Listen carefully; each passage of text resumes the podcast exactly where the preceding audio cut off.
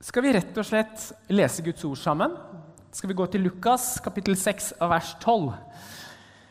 Er dere våkne? Ja, jeg trenger at dere er våkne, for jeg, jeg, jeg bør holde meg våken. Så det, det er, da er det bra at jeg er flere som er våkne samtidig. Jeg leser. Vi leser om Jesus. På Det var da fælt til mas på første rad her. Det er vel fra vers 12. Vers 12, kapittel 6. Jeg blir jo bare rørt av at du spør at du har med deg Bibel. Du skal ikke mer til, Mikael. På denne tiden gikk han, Jesus, opp i fjellet for å be, og hele natten var han der i bønn til Gud. Da det ble dag, kalte han til seg disiplene sine. Av dem valgte han ut tolv, som han også kalte apostler. Det var Simon, som han også ga navnet Peter, og hans bror Andreas. Det var Jakob og Johannes, Philip og Bartolomeus, Matteus og Thomas. Jakob, sønn av Alfeus, og Simon, kalt Seloten. Judas, Jakobs sønn, og Judas Iskariot, han som ble forræder. Sammen med dem gikk han ned igjen og stanset på en slette. Der var det samlet en stor flokk av disiplene hans og en stor mengde mennesker fra hele Judea og Jerusalem og fra kyststrøkene ved Tyros og Sidon. De var kommet for å høre ham og bli helbredet for sine sykdommer. Også dem som var plaget av urene ånder, gjorde han friske. Og alle i mengden prøvde å få røre ved ham. For det gikk ut en kraft fra ham som helbredet alle. Han som hadde kraft til å helbrede alle, han er her i dag. Men det var noe annet jeg hadde lyst til å peke på med denne teksten, her, for den viser oss et mønster. Det begynner med at Jesus bruker natta i bønn på fjellet sammen med Gud. Denne teksten kommer rett etter at Jesus har kommet ut av 40 dager med fristelser i ørkenen. Vi husker Han ble døpt. Den hellige ånd kommer ned som en due. Gud Faders stemme runger over og sier du, dette er min sønn, den elskede, som jeg har behag i. For en start på, tjeneste, tjenesten. Og så blir han lokka ut i ørkenen, og så er det kamp om hvem han er. Kamp om identitet. Hva han gjør, hvordan han kan bevise hvem han er. Og så, etter 40 dager i ørkenen, så tror jeg at Jesus ikke bare var sulten på mat, men at han var sulten på å bare være i stillhet sammen med Gud. Og Kanskje er det det som skjer, at Gud fornyer denne identiteten. Det var vers 12. Vers 13 så går Jesus ned og så kaller han på Han hadde jo fått noen disipler, men han kaller nå disse tolv til seg, som også fikk navnet apostler. Jesus Kristus, han som er Gud, han som er det perfekte bildet av Gud, han gjør et valg om at han vil leve livet sitt sammen med andre mennesker. Gud, som skapte galaksene, sier 'Jeg vil leve livet mitt sammen med mennesker' som ikke kommer til å forstå meg fullt ut, som kommer til å såre meg, mennesker som svikter meg, mennesker som kommer til å hindre og forsinke meg, mennesker som er svette og lukter vondt. Disse har jeg lyst til å leve sammen med. Og det er jo helt unødvendig for Gud å gjøre. Jeg tror Gud hadde vært mer effektiv uten den gjengen rundt seg. Men så velger han det. Og så skjer det, Noen vers senere så går de ned på en slette, de begynner å betjene folk. Folk blir helbreda, satt fri og får høre Guds ord. Egentlig er det så mye mer den teksten her. Man har lyst til å vise dere at det fins en rekkefølge her. Jesus var sammen med Gud Fader, sammen med sine venner, og sammen så gikk de ut og tjente andre. Og så er det så lett å velge å gjøre det motsatt rekkefølge. Vi går ut og prøver å gjøre en del ting, vi får det ikke helt til, og så ringer vi en venn. Og hvis ikke du og vennen din får det til, så kanskje man ber litt til Gud på slutten for å se hvordan det gikk. Jeg tror det er også en rekkefølge her. Og så er det også litt sånn at jeg kan i hvert fall kjenne det selv, at det går an å være glad i to av tre. Jeg er veldig glad i den der Gud og jeg-biten. Og så er jeg veldig glad i den gjøre-biten, tjenestebiten, men den der henge sammen-greia den er ikke så innmari høyt oppe for meg. Eller noen sier kanskje vet du hva, det der å være sammen, det elsker jeg. Og det der med å gå ut og gjøre godt, og sånt, det elsker jeg. Men liksom meg og Gud, det har ikke på samme måte vært en veldig god match. Så det er ikke helt min greie. Vet du hva, Å følge Jesus, det er å følge han inn i disse tre dimensjonene her. Og I dag skal jeg snakke om den dimensjonen som heter fellesskap. altså fellesskap med hverandre. eh, i en liten serie som vi kaller Reconnect, hvor vi liksom sakte, men sikkert bare kobler oss på kirka igjen. Hva vi egentlig bender for, hva vi egentlig driver med. Så jeg har lyst til å si at Det med fellesskap det er noe som jeg og jeg vil tro du også kanskje har drodla litt rundt og tenkt litt rundt. For det er ikke så enkelt med, så enkelt med fellesskap. Eh, er det sånn at vi må det? Er det sånn at eh, noen personlighetstyper eh, er mer glad i den andre? Liksom det med å møtes rundt Nonstop og is rundt et bord og snakke om livet. Er det, vil Jesus dette, eller er det en tradisjon vi har skapt? Kan det være like greit å være den som har lyst til å sitte hjemme alene og lese bøker? Tusle litt i hagen og mumle med Gud aleine? Hvordan er de tingene her? Eh, og det som er sikkert, er at det står ikke så mye om huskirker i Bibelen.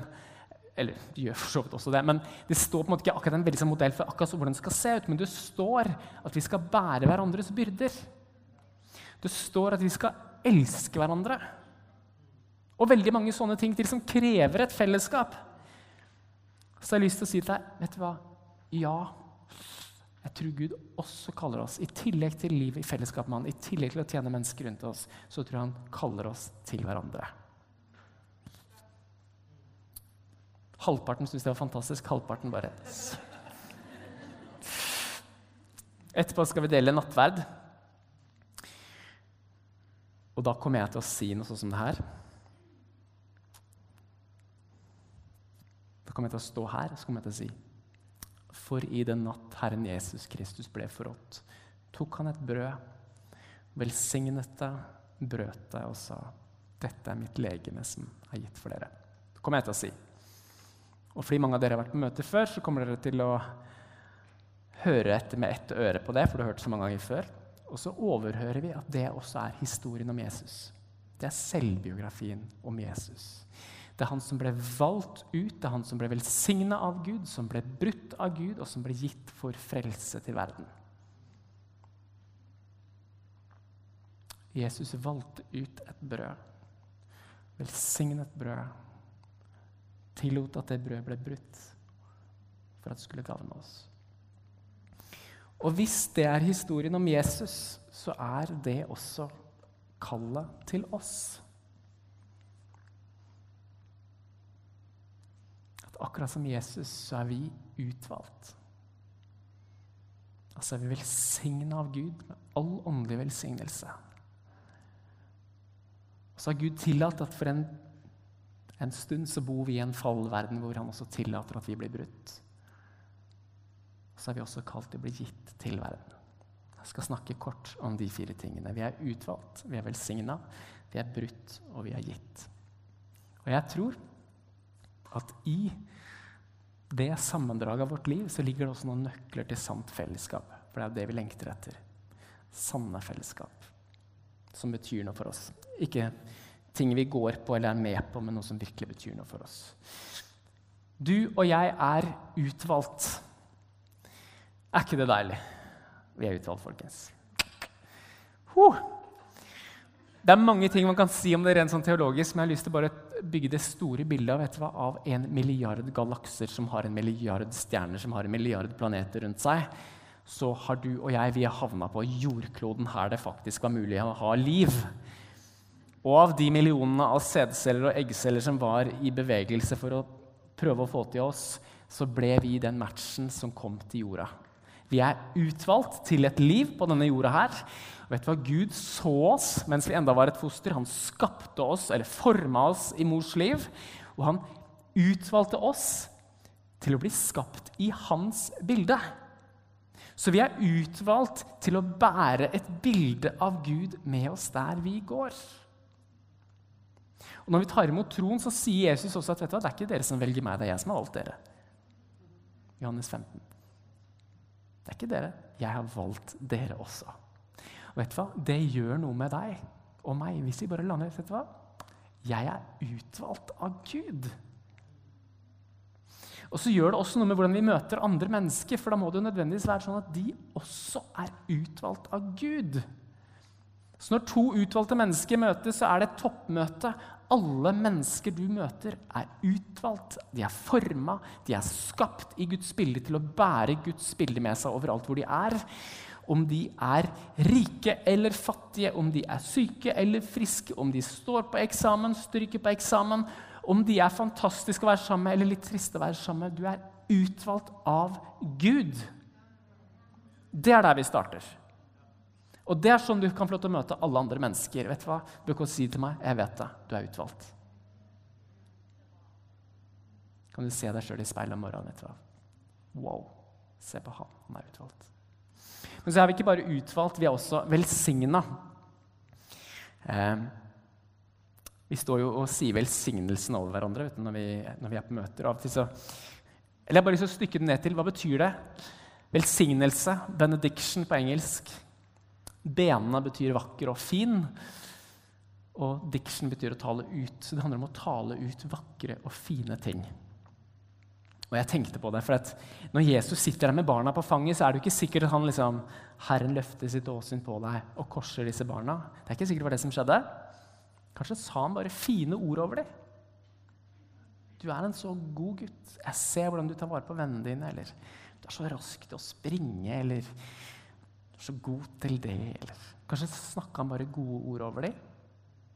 Og som mange av dere vet, så har jeg en sønn, jeg har, jeg har tre barn. Jeg har en sønn som har, som har Downs syndrom, og som, som, tar til seg ting på litt andre måter. Så ofte om kvelden så er det bønnestund hvor jeg bare liksom Nathaniel, du er så flink i fotball. Og Nathaniel, du er så flink på det.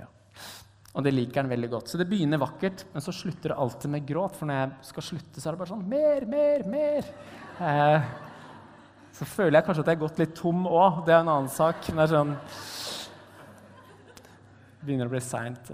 Ja. så det begynner fint, slutter i gråt. Men jeg, jeg, jeg kjenner ikke mange med Downs syndrom, men alltid tenker at hvert fall min sønn han, han, sier egentlig bare rett ut, uten filter, det vi andre hadde sagt hvis vi heller ikke hadde filter. Jeg tror at i oss og i vår ånd så er det et rop etter mer. Gud, bekreft meg mer. Gud, jeg trenger at du taler sannhet inn i livet mitt. Vi er velsigna, men vi trenger å finne den plassen hvor Guds ord får lov til å treffe oss. Derfor tror jeg det er sant, det som Henry Noven sier, en forfatter og, og, forkynner forfatter og sjelesørger som er død nå. Han sier at bønn er å finne det rommet hvor du hører Guds anerkjennelse over livet ditt. Bønn er å få annen lyd unna, sånn at du klarer å høre inn. Du er min sønn, du er min datter, den elskede. Og I det miljøet her så vil du høre at vi snakker litt om vekkelse. Vi tror rett og slett på vekkelse ikke å si det noen, men vi tror det. At Gud kan sende vekkelser igjen over landet vårt. Og vi trenger det som aldri før. Men jeg tror vekkelse, vekkelse i ditt hjerte er at du ikke bare vet disse tingene, men at du har hørt det fra Gud en av de siste dagene. At du lever der med en frisk åpenbaring, en frisk trygghet på at jeg er elska av Gud. Jeg er fylt av Hans ånd. Jeg er hans barn. Jeg har tilgang på all åndelig velsignelse. Jeg vet at den kraften som reiste Jesus opp fra de døde, bor i meg. Jeg vet at Gud er for meg, jeg vet at han elsker meg, og jeg vet at han går med meg. For meg så er det sånn, jeg, jeg, jeg prøver å være liksom bevisst på når jeg setter foten inn på en T-banevogn, så er det sånn Nå kom Guds rike inn i denne T-banevogna fordi jeg er her. Ikke fordi jeg er her, for at Gud, Gud er der i meg. Dere skjønner hva jeg mener? Det er sånn litt viktig, eller Jeg hadde en sånn opplevelse en gang som, som ikke prøver å lage noe teologi rundt eller Du behøver fortsatt ikke tro at det er sant heller, men jeg, jeg gikk inn på en kafé eh, på Årvoll, vi bodde før. En sånn vaffel og rømme og ja, litt sånn kafeteriakafé. Og så kom jeg inn i det rommet, og så sitter det fire eldre, da, eller godt voksne damer rundt et bord.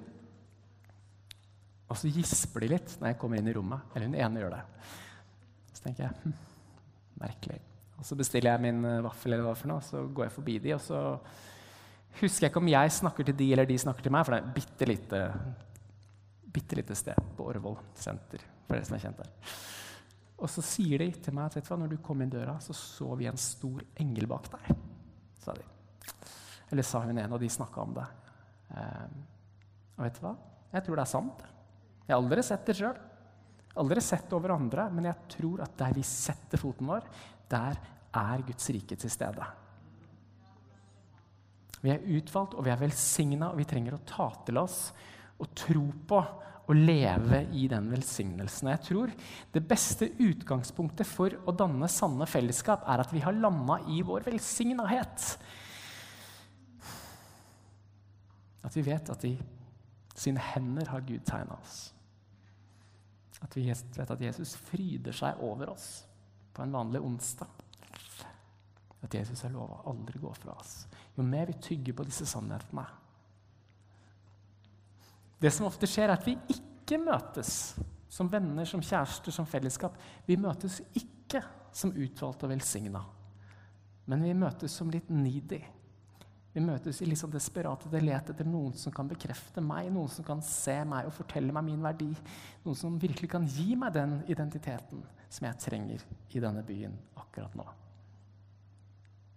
Og istedenfor at det blir et godt, god relasjon, så kjenner man at man bare man man niholder rundt hverandre. Jeg har hatt det sånn i mitt liv, en periode hvor ting var utrolig vanskelig. Jeg at noen av de vennskapene ble bare sånn man, man bare klinka seg sammen for å overleve.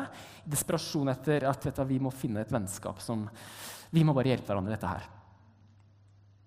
Så merker man etter hvert vet du hva, den uroen på innsida Det hjelper jo ikke at du og jeg har blitt venner. Den bærer jeg vel likevel. Og det du sier, hjelper meg dypest sett ikke. Og så blir vi rett og slett sånn utilpasset relasjon. Vi blir kontrollerende, vi begynner å høre ting vi ikke burde ha hørt, som ikke blir sagt. Vi blir utrygge, vi begynner å Alt skjærer seg. Og så har vi en giftig relasjon. Det kan skje i kirkesammenheng. Det kan skje i kjæresteforhold, i vennskapsforhold. Hvis du kommer inn i disse forholdene, og det er ikke alltid vi klarer det Hvis du klarer å komme ut hva? Jeg er utvalgt, og jeg er velsigna. Så at vi i tillegg har det kjempefint, det varmer hjertet mitt. At du har lyst til å være vennen min, det gjør noe med hjertet mitt. At du oppmuntrer meg, det betyr så mye for meg. At du har lyst til å gjøre ting sammen med meg, det betyr også så mye for meg. Men vet du hva? de dypeste, viktigste ordene de hørte jeg før jeg kom hit. Hvis du ikke ser meg i dag, hvis jeg ikke får så mye oppmerksomhet som jeg kunne ønske meg, så rokker ikke det ved selvet mitt, for jeg er utvalgt, og så er jeg velsigna. Og Jeg sa det tidligere at vet du hva, det gir også en litt sånn hjelp til oss som leder andre, om det er huskirkeleder eller bare har andre rundt deg, som kjemper med at jeg føler meg ikke sett. Jeg opplever meg ikke sett. Vet du, Da skal vi komme tett på, så skal vi se de øynene og forsikre oss om at de er sett. De er ønska, de er invitert, de er inkludert. Men det viktigste vi kan gjøre, er å ta de i hånda og lede de til Han som ser. Sånn at de blir sett av Han så leges det hullet, det såret. Hvis folk føler jeg, jeg får ikke til noe, jeg er ingenting, så da, du, vi skal se deg, vi skal gi deg godhet, vi skal høre historien din, og så skal vi sammen marsjere til Han som kan bekrefte deg. Sånn at du kan gå inn i de neste relasjonene dine som utvalgt og velsigna. Henger dere på?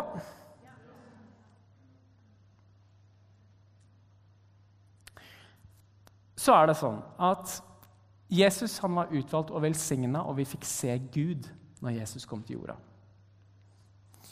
Vi hadde lurt litt på hvordan han så ut, og så kommer Jesus og åpenbarer hvem Gud er. Men det er ikke som utvalgt og velsigna at Jesus redder oss. Det er når Jesus blir brutt, at han gir oss frelse. Og Dere kjenner de versene, noen av dere, fra Jesaja 53. Men han ble såret for våre overtredelser, han ble knust for våre misgjerninger. Straffen lå på ham for at vi skulle ha fred, og ved hans sår så har vi fått legedom. Nå skal jeg overraske deg litt, men vi er brutt. Som kristne som har tatt imot Jesus, så har vi på en måte bare åpna dører og vindusglugger alt vi kan, så vi tar imot litt sånn frisk vår, vårvind fra det riket som en gang skal komme. Guds totale eh, kongeriket hvor alt skal være på plass. Vi kan kjenne det, vi kan erfare det hjertet, vi kan kjenne på fred. Vi kan oppleve å bli helbreda, satt fri. Vi ser mennesker som bare får oppleve Guds nærvær bli forandra. Helt fantastisk. Og vi vil ha mer av det. Samtidig så lever vi i en verden hvor Jesus forteller oss at det går en brølende løve omkring som ønsker å ødelegge for oss. Vi bor i en verden og vi er mennesker, som Paulus sier i Romerne 3, at ingen av oss er i nærheten av å leve opp til egentlig noe som helst. Vi er brutte mennesker. Noen, noen ganger så hører jeg noen si sånn som vet han der vet han er en helt fantastisk fyr, men, eh, men han sliter med et par ting. Når jeg hører det, så blir jeg så glad, og så får jeg lyst til å løpe bort til den gutten eller mannen og høre hvordan gjør du det. Sliter du bare med et par ting? Jeg sliter jo med så mange ting. Det er jo kamper på alle fronter. Jeg har jo issues. Det er, det er ting jeg kjemper med i mitt liv. Nå gir det meg det blikket der igjen. Har ikke dere issues? Kjemper ikke dere med ting? Hm, ingen på de bakerste radene kjemper med ting. Dere må bygge huskirke med de bak der. Vet du, Vi behøver ikke å skjule for hverandre. Vi er en brutt gjeng. Alle sammen. Har du ikke et brutt selvbilde eller selvfølelse, så kanskje har du brutte relasjoner rundt deg. Kanskje har du en brutt, brutt følelse, brutt seksualitet, en brutt tillit til Gud som gjør at du er mer bekymra enn du trenger å være. Kanskje har du arr etter svik som har vært. Kanskje har du arr etter fellesskap du har vært i. Så bærer vi hver hver av oss bærer med oss en brutthet. Og så er det i den bruttheten her at mulighetene våre ligger. For der vi er brutt, der kan Helligånd komme og treffe oss. Gud treffer oss ikke på, han treffer ikke plastikk eller det vi tror eller håper at vi er. Han treffer oss der vi er. Og der vi er brutt, der treffer Gud oss. For meg er det sånn at Hvis jeg står og ber f.eks. Gud, gi meg et hjerte for mennesker, så skjer det veldig sjeldent her i lovsang i kirka. Altså kampen. Altså, det her er liksom Guds rikes spanlegg. spa-anlegg. Det er jo ikke her kampen står. Kampen står jo der ute i morgen. Og når vi møter vår brutthet, vi møter med mennesker, situasjoner som frustrerer oss, ah, der kan Gud møte oss og gjøre oss mer lik Han. For det er det vi det er det vi driver med. Bli mer lik han. Hvordan ser det ut Eller jo, det jeg skulle si at vi er brutt, men, men håpet er jo at det stopper jo ikke der. Vi er brutt og velsigna samtidig. Så vi kan på en måte ta vår brutthet og så putte den under velsignelsen. Så vi er fortsatt elska, fortsatt Gud fryder seg over oss, samtidig som vi kjemper med dette eller sliter med dette. Hvordan ser det ut i hverdagen? Vet du hva? Det ser sånn ut at Jesus har oppretta et sted, et kontor, en bytteplass, som heter Golgata, som heter Korset. Vi kan få lov til å komme til det korset hvor Jesus døde for vår synd, han døde for vår skyld, han døde for vår elendighet, skittenhet. Og så gir han oss tilbake renhet, herlighet, rettferdighet, nåde og fred. Når jeg kom til byen her, nå begynner det å bli en god, god, del år siden, så litt sånn overraskende for meg så begynte jeg å kjempe med depresjon. Og angst, faktisk. Tøft for de som vet hva det er. Og det som ikke vet hva det er, takk Gud at dere ikke vet hva det er. Hva gjorde man da? Eller hva gjorde jeg da? Totalt usikker på hva som skjer i mitt eget hode, i min egen mentale situasjon. Vet du hva, Da lærte jeg etter hva? Nå kommer jeg til korset med masse forvirra følelser. Også tunge, mørke. Og så tar jeg imot Gud. Da må jeg få din fred tilbake. Og så tar jeg imot fred, og så går jeg. Over lang tid så klarte jeg kanskje å holde på den freden i to og en halv time. Og så måtte jeg tilbake igjen. Gud, her er det masse vonde følelser. Gi meg fred. Og så etter hvert, det tok tid, så begynte jeg å eie den freden mer og mer. Helt til Gud hadde tatt depresjonen, jeg hadde fått fred. Det kan være frykt. Gud, jeg kjenner på så mye frykt. Jeg må komme til deg hver dag og ta imot håp og fred. Vet du hva? Så kan vi gå og ta imot. Gå og ta imot. Og så merker du etter hvert at jeg klarer å eie det mer og mer. jeg klarer å holde det mer og mer. Så er vi ikke bare brutt, men vi er en gjeng som har fått legedom. Jeg vet at Mange av dere jeg, vi kan vitne om ting som før var vanskelig, men som nå er vi fri fra. Så vi er et fellesskap som er brutt, men også et fellesskap som er helbreda. Og så er vi et fellesskap som er i behandling. Er ikke det sant? Jeg tror at hvis vi skal bygge sanne, ærlige, gode fellesskap og jeg vil si, vet du hva? Ikke hør meg feil. Huskirker er eh, kirken, eller kollektivet, vi bygger huskirker. Der kan du finne venner. Der tilber vi Gud sammen. Der går vi sammen. Men det som er den store drømmen, er at du skal finne deg venner som du kan gå tett med. Det er ikke akkurat rammen onsdag klokka da og da, men vi begynner der. Det er én måte å gjøre det på. Det er sånn vi legger til rette for det. Men vi ber om at du skal få lov til å være i meningsfulle relasjoner, hvor du kan få lov til å dele dine kamper, hvor du kan få lov til å dele dine gjennombrudd, hvor du kan få lov til å dele din helbredelse med andre. Det er sanne fellesskap. Jeg syns det er mye mer interessant. Hvor har du kjempa, hvor har du fått seier, enn alt er superbra, og jeg er best på skolen. Det er litt spennende du er det. Det er, det er, kult. Ja. Vi samla lederteam nå i, starten av august for oppstart. og jeg husker ikke akkurat hvordan jeg stilte spørsmålet, men det er sånn, jeg vet at du er god på dette, dette. Hva er du kjempedårlig på? Eller hva er det du ikke får til? Hvor kommer du til å frustrere oss? Det er mye mer interessant enn at jeg er kjempegod på dette og føler kontroll på det. Vet du hva? Med å gå inn i et fellesskap som utvalgt og velsigna, men også ærlig på at jeg er et brutt menneske som trenger dere rundt meg for å se større legedom. Det er en, det er en god måte å søke fellesskap på. Og så er vi også gitt.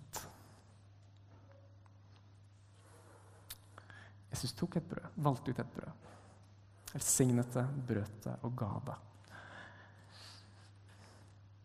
For vi som tror og har gitt livet vårt til Jesus, så er det ikke lenger vårt eget liv vi lever. Og akkurat som Jesus på korset ropte ut at han ga livet sitt til Gud, i dine hender, Gud, overlater jeg min ånd, så var det sånn at Jesus ga livet sitt til Gud. Gud elska verden så høyt at han ga Jesus til folk. Og Sånn er det med oss også. Vi gir livet vårt til Jesus, men så spør til Gud, så spør Gud kan jeg fortsette fordi jeg elsker verden. Kan jeg fortsette å gi? Kan jeg få lov til å bruke deg, din historie, ditt liv, til å gi liv til mennesker? Og det er et spørsmål som vi har. Kan Jesus få lov til å bruke ditt liv? Kan Jesus få lov til å bruke de årene du er student i Oslo, til å nå nye mennesker med evangeliet?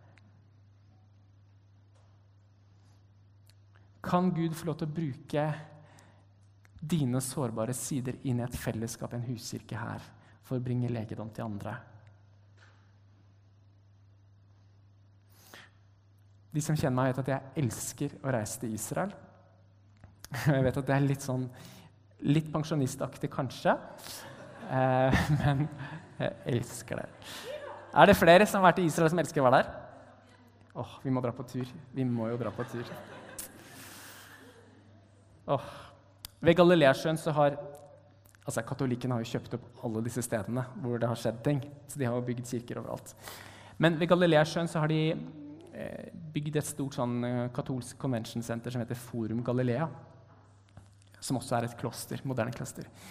Og så har jeg en halv dag fri, så sitter jeg inne i, i et sånn bibliotek. De vet jo hvordan de skal bygge, bibliotek. Med En svær, rund, uh, rund svært rom med bøker sånn fire-fem høydemeter opp langs veggene. Og Så sitter jeg der litt, og så kommer det en prest fra Paris inn, som går i, altså katolsk prest, og så begynner vi å snakke litt sammen. Og så forteller han noe spennende. Han sier at man kan jo tro at det ikke skjer noen ting blant katolikkene i Paris og i Frankrike. og sånn, Men det var en gjeng som starta for ti år siden med å møtes i husgrupper rundt omkring i, Paris. Og nå har vi nesten én million mennesker som møtes i mindre grupper rundt omkring. Kjempespennende, kjempebra. Og så spør jeg selvfølgelig, da Men hvordan har dere fått det her til å skje? Hva er det som er viktig for at det skal lykkes? Det var før vi hadde starta kollektiv, så jeg prøver å lære alt mulig. Og så sier han en ting som jeg husker på, som jeg bedt meg merke. At for at vi skal lykkes over tid, så er det én suksessfaktor. Og det er at i alle disse huskirkene, eller clusterne som de kalte det, i alle disse gruppene så må det være noen syke og noen svake som trenger hjelp. Å, det var nøkkelen. Og sen over tid, hvis en gruppe troende mennesker skal holde seg sunne, så må disse troende bli givere. Derfor sørger vi for at nyfrelste, sårede mennesker som trenger hjelp, som trenger omsorg, som trenger penger, som trenger alt mulig rart, vi plasserer det inn i gruppene for å holde gruppene friske.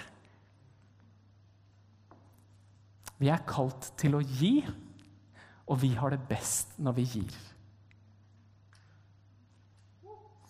Vi er utvalgt, og vi er velsigna, og så er vi brutt, og så spør Gud om han også kan få lov til å gi oss.